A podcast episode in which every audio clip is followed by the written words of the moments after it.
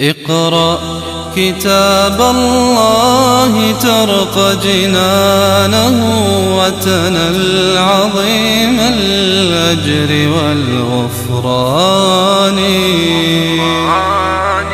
رتله روي القلب من نفحات. سورة التغابن. يسبح لله ما في السماوات وما في الأرض له الملك وله الحمد وهو على كل شيء قدير. هذه السورة لها اسم واحد هو سورة التغابن وهو الذي تعرف به في المصاحف وكتب التفسير وغيرها. وهي سورة مدنية عند جمهور المفسرين. وذهب الضحاك إلى أنها سورة مكية. وفي قول لابن عباس رضي الله عنه وعكرمة وجماعة أن فيها المكي وفيها المدني وهذا أليق وأشبه فإن موضوعات السورة والحديث عن البعث ومجادلة المشركين إنما هو من أغراض السور المكية. ولكن في السورة مثل قوله تعالى يا أيها الذين آمنوا إن من أموالكم وأولادكم عدو أولادكم وأزواجكم عدوا لكم فاحذروهم. وهذه الآية مدنية كما سوف يأتي. إذن فالسورة مما اجتمع فيها المكي والمدني. وهي ثمان عشرة آية باتفاق علماء العد. تستفتح السورة بالتسبيح لله لكن التسبيح هنا يأتي بصيغة الفعل المضارع يسبح. وهناك سور فيها الفعل بلغة بصيغة الماضي سبح لله كما في آه، الصف وغيرها مما سوف يأتي. وهناك سور فيها الأمر بالتسبيح كما في قوله سبح اسم ربك الأعلى. إذن هناك تنوع في المسبحات كما يسمونها. منها ما تحدثت عن التسبيح بلغة الماضي إشارة إلى عراقة التسبيح وأن التسبيح لله منذ وجد من يسبح الله سبحانه وتعالى. ليس التسبيح لله امرا طارئا أو جديدا. إذا كان الالحاد امرا تعرفه الناس حدث وطرأ في وقت من الأوقات وهو كشجرة اجتثت من فوق الأرض ما لها من قرار فامبراطوريات قامت على القوة والحديد والنار انهارت خلال سبعين سنة. لأنها لم تقم على أساس من الإيمان بالله سبحانه وتعالى وقراءة الفطرة قراءة سليمة. أما الإيمان بالله وتسبيحه وتوحيده فهو أمر راسخ قديم قدم الأكوان. فهذا ما يتعلق بالماضي سبح لله. أما فيما يتعلق بالمضارع يسبح فهو إشارة إلى التجدد وأن التسبيح ليس شيئا وقع ومضى وانتهى وإنما هو أمر مستديم. وأما الأمر في قوله سبح فهو إشارة إلى المستقبل وأن التسبيح باقي في المستقبل وهو أيضا إشارة إلى التفريق ما بين تسبيح الجمادات التي تسبح بفطرتها والكون كله منخرط في مهرجان تسبيح لله سبحانه وتعالى تسبح له السماوات السبع والأرض ومن فيهن وإن من شيء إلا يسبح بحمده ولكن لا تفقهون تسبيحهم إنه كان حليما غفورا. فأخفى الله تعالى عنا تسبيح الكائنات. تسبيح الكائنات إيش هو؟ إيش يكون؟ من تسبيح الكائنات أنها منساقة لأمر الله. فالشمس والقمر والنجوم والسماء والأرض كلها ضمن نظام فلكي إلهي رباني منضبط لا يتقدم ولا يتأخر. فهذا نوع من التسبيح وبه فسره بعض أهل العلم وهو جزء من المعنى لكن لا يمنع أن نفهم من السياق أن كل شيء في الكون فحقيقته فحقيقته أنه مسبح لله سبحانه وتعالى بلغة لا نفهمها. ولهذا قال ولكن لا تفقهون تسبيحهم. بينما حركة الأفلاك مما يفقهه الناس ويدركونه ويقرؤونه. فقوله سبح إشارة إلى الفرق بين تسبيح الكائنات الاضطراري الذي جبلت عليه وبين التسبيح الاختياري الذي يؤمر به الإنسان فإن الإنسان هو الوحيد من بين المخلوقات الذي أمامه أكثر من طريق وهديناه النجدين بإمكانه أن يسبح وبامكانه أن يرفض التسبيح. فأمره الله سبحانه وتعالى وقال سبح. ولهذا لما قال سبح اسم ربك الأعلى قال النبي صلى الله عليه وسلم اجعلوها في سجودكم. ولما قال فسبح باسم ربك العظيم قال اجعلوها في ركوعكم. والصلاة جزء منها التسبيح. يسبح لله. يسبح ما معناه؟ يقول سبحانك سبحانك سبحانك. ينزهه يقدسه يثني عليه. ينفي عنه كل صفات النقص ويثبت له كل صفات الكمال.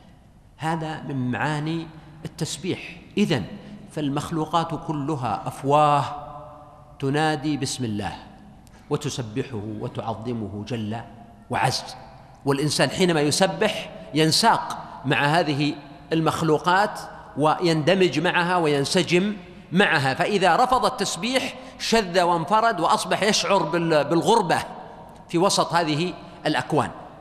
يسبح لله ما في السماوات وما في الأرض. وأشار إلى لفظ ماء ولفظ ماء هذا غالبا ما يطلق على غير العاقل. يعني الجمادات والسماء والأرض والنجوم والافلاك والأملاك. هي ما في السماوات وهي ما في الأرض. وفي ذلك إشارة إلى كثرة هذه العوالم وأن في السماوات عوالم ضخمة عظيمة لا يعلمها إلا الله وفي الأرض مثل ذلك من العوالم فهي تفتح عقل الإنسان على امتداد المخلوقات وسعتها. ما في السماوات وما في الأرض. اذا هنا الحديث عن الجامدات وليس الحديث عن الأشياء العاقلة. وهذا متصل بالسورة لأن غالب السورة هو حديث وعتاب وتوبيخ لأولئك الكافرين وهذا غالب ما اتجهت إليه. فلما بدأ بتسبيح ما في السماوات وما في الأرض علم بأن هذا فيه تعريض فيه تعريض بأولئك الذين رفضوا التسبيح. له الملك وله الحمد. الملك لله. والحمد لله. لكن لما قال له الملك دل على تفرده بالملك وأن الملك الحقيقي لله ولذلك من أسمائه الملك والمالك ومالك يوم الدين. فهنا قال له الملك يعني لا ملك إلا له لأن ملك أو ملك المخلوقات مشوب يعني آه، يعتريه النقص والنزع والموت والضعف والتوقيت. أما ملك الله سبحانه وتعالى فهو ملك دائم وهو الذي خلق هذه الأشياء وهو المتصرف فيها. فليس ثمة ملك حقيقي إلا لله. ولهذا يوم القيامة يقول الله سبحانه وتعالى لمن الملك اليوم؟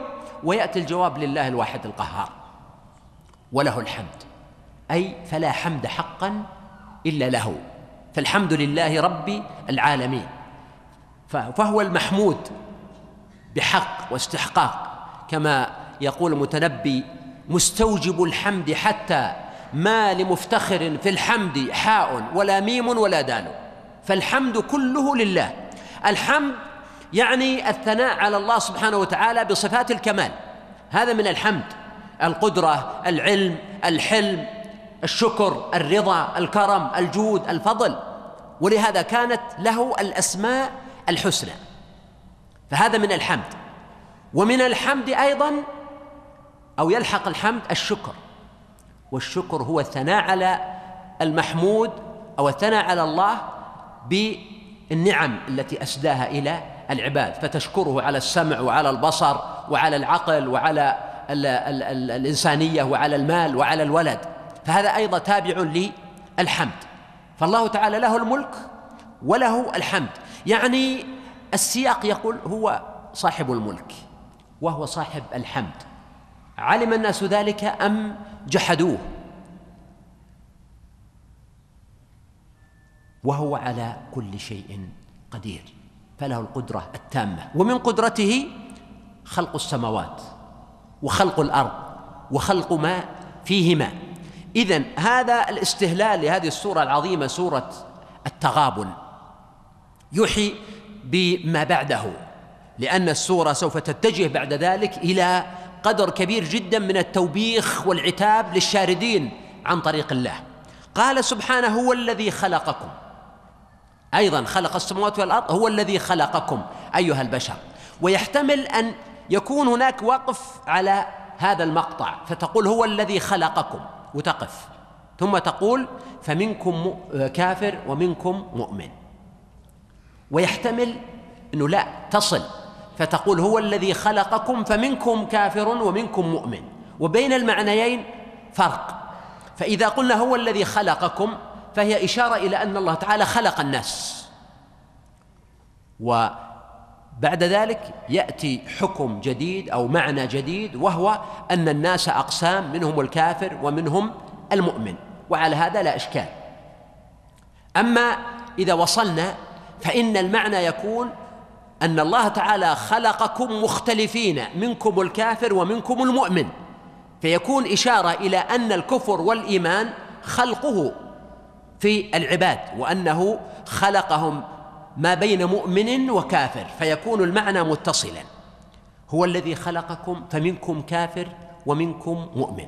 وبدأ بالكافر. لماذا بدأ بالكافر؟ لم يقل فمنكم مؤمن ومنكم كافر. لأن المؤمن أشرف فكانت البداءة به معلومة بادي الرأي لكن الله سبحانه وتعالى بدأ بالكافر لأسباب. اولا لأن غالب أحوال الناس هي الكفر كما في آيات كثيرة وما أكثر الناس ولو حرصت بمؤمنين. فبدأ به لأنه هو الأعم الأغلب على الناس.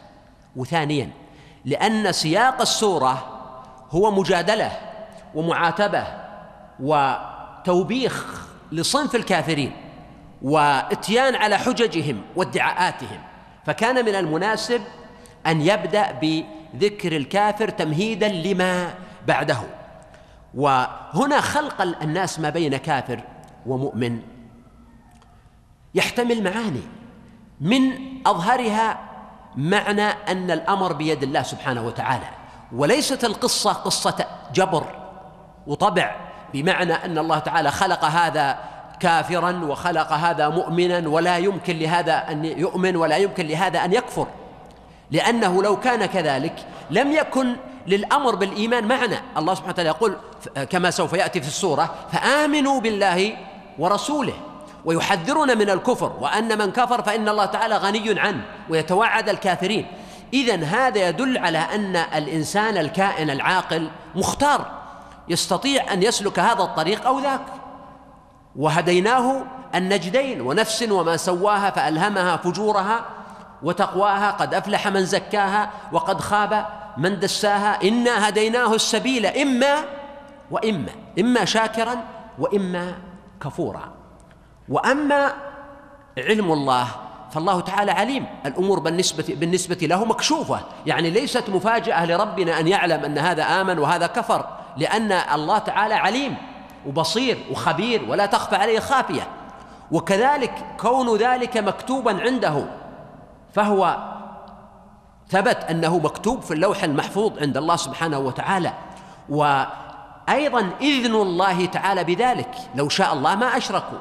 وما كان لنفس أن تؤمن إلا بإذن الله. فلو شاء الله أن يجبر الناس على الإيمان لجبرهم عليه. وكانوا مؤمنين كلهم. ولكن الله تعالى شاء أن يدع لهم اختيار الطريق وأن يكونوا مسؤولين عن الاختيار حتى قال في محكم تنزيله وقل الحق من ربكم فمن شاء فليؤمن ومن شاء فليكفر وهذه المشيئة الإنسانية هي ضرورة يعرفها كل أحد ضرورة حياتية نفسية يعرف كل أحد من الناس أنه مختار إن شاء أن يرفع هذا الإناء أو يضعه أو يشرب أو يقرأ أو يغلق الكتاب أو يقوم أو يقعد أو يتكلم أو يسكت أو يأكل من الطعام الذي يعجبه. تجد أن الإنسان يأتي أحيانا إلى آه، طعام آه، منوع أشكال وألوان فيختار من هذا الطعام ومن هذا الطعام ومن هذا الطعام وقد يأخذ شيء ثم يعزف عنه ويقول لا أريده. فالإنسان في حياته يشعر بالإختيار وهكذا ما يتعلق بقضايا الأخلاق وقضايا الدين. الأصل فيها أن الإنسان أيضا كائن له اختياره وحسابه على ضوء هذا الاختيار الذي حدث منه. هو الذي خلقكم فمنكم كافر ومنكم مؤمن. والله بما تعملون بصير. أشار إلى أنه بصير سبحانه مطلع على أحوال العباد وعلى ظاهر أعمالهم من كفر أو إيمان أو غير ذلك. اقرأ كتاب الله ترق جنانه وتنل عظيم الأجر والغفران. رتله روي القلب من نفحاته كالماء يروي لهفة العطشان.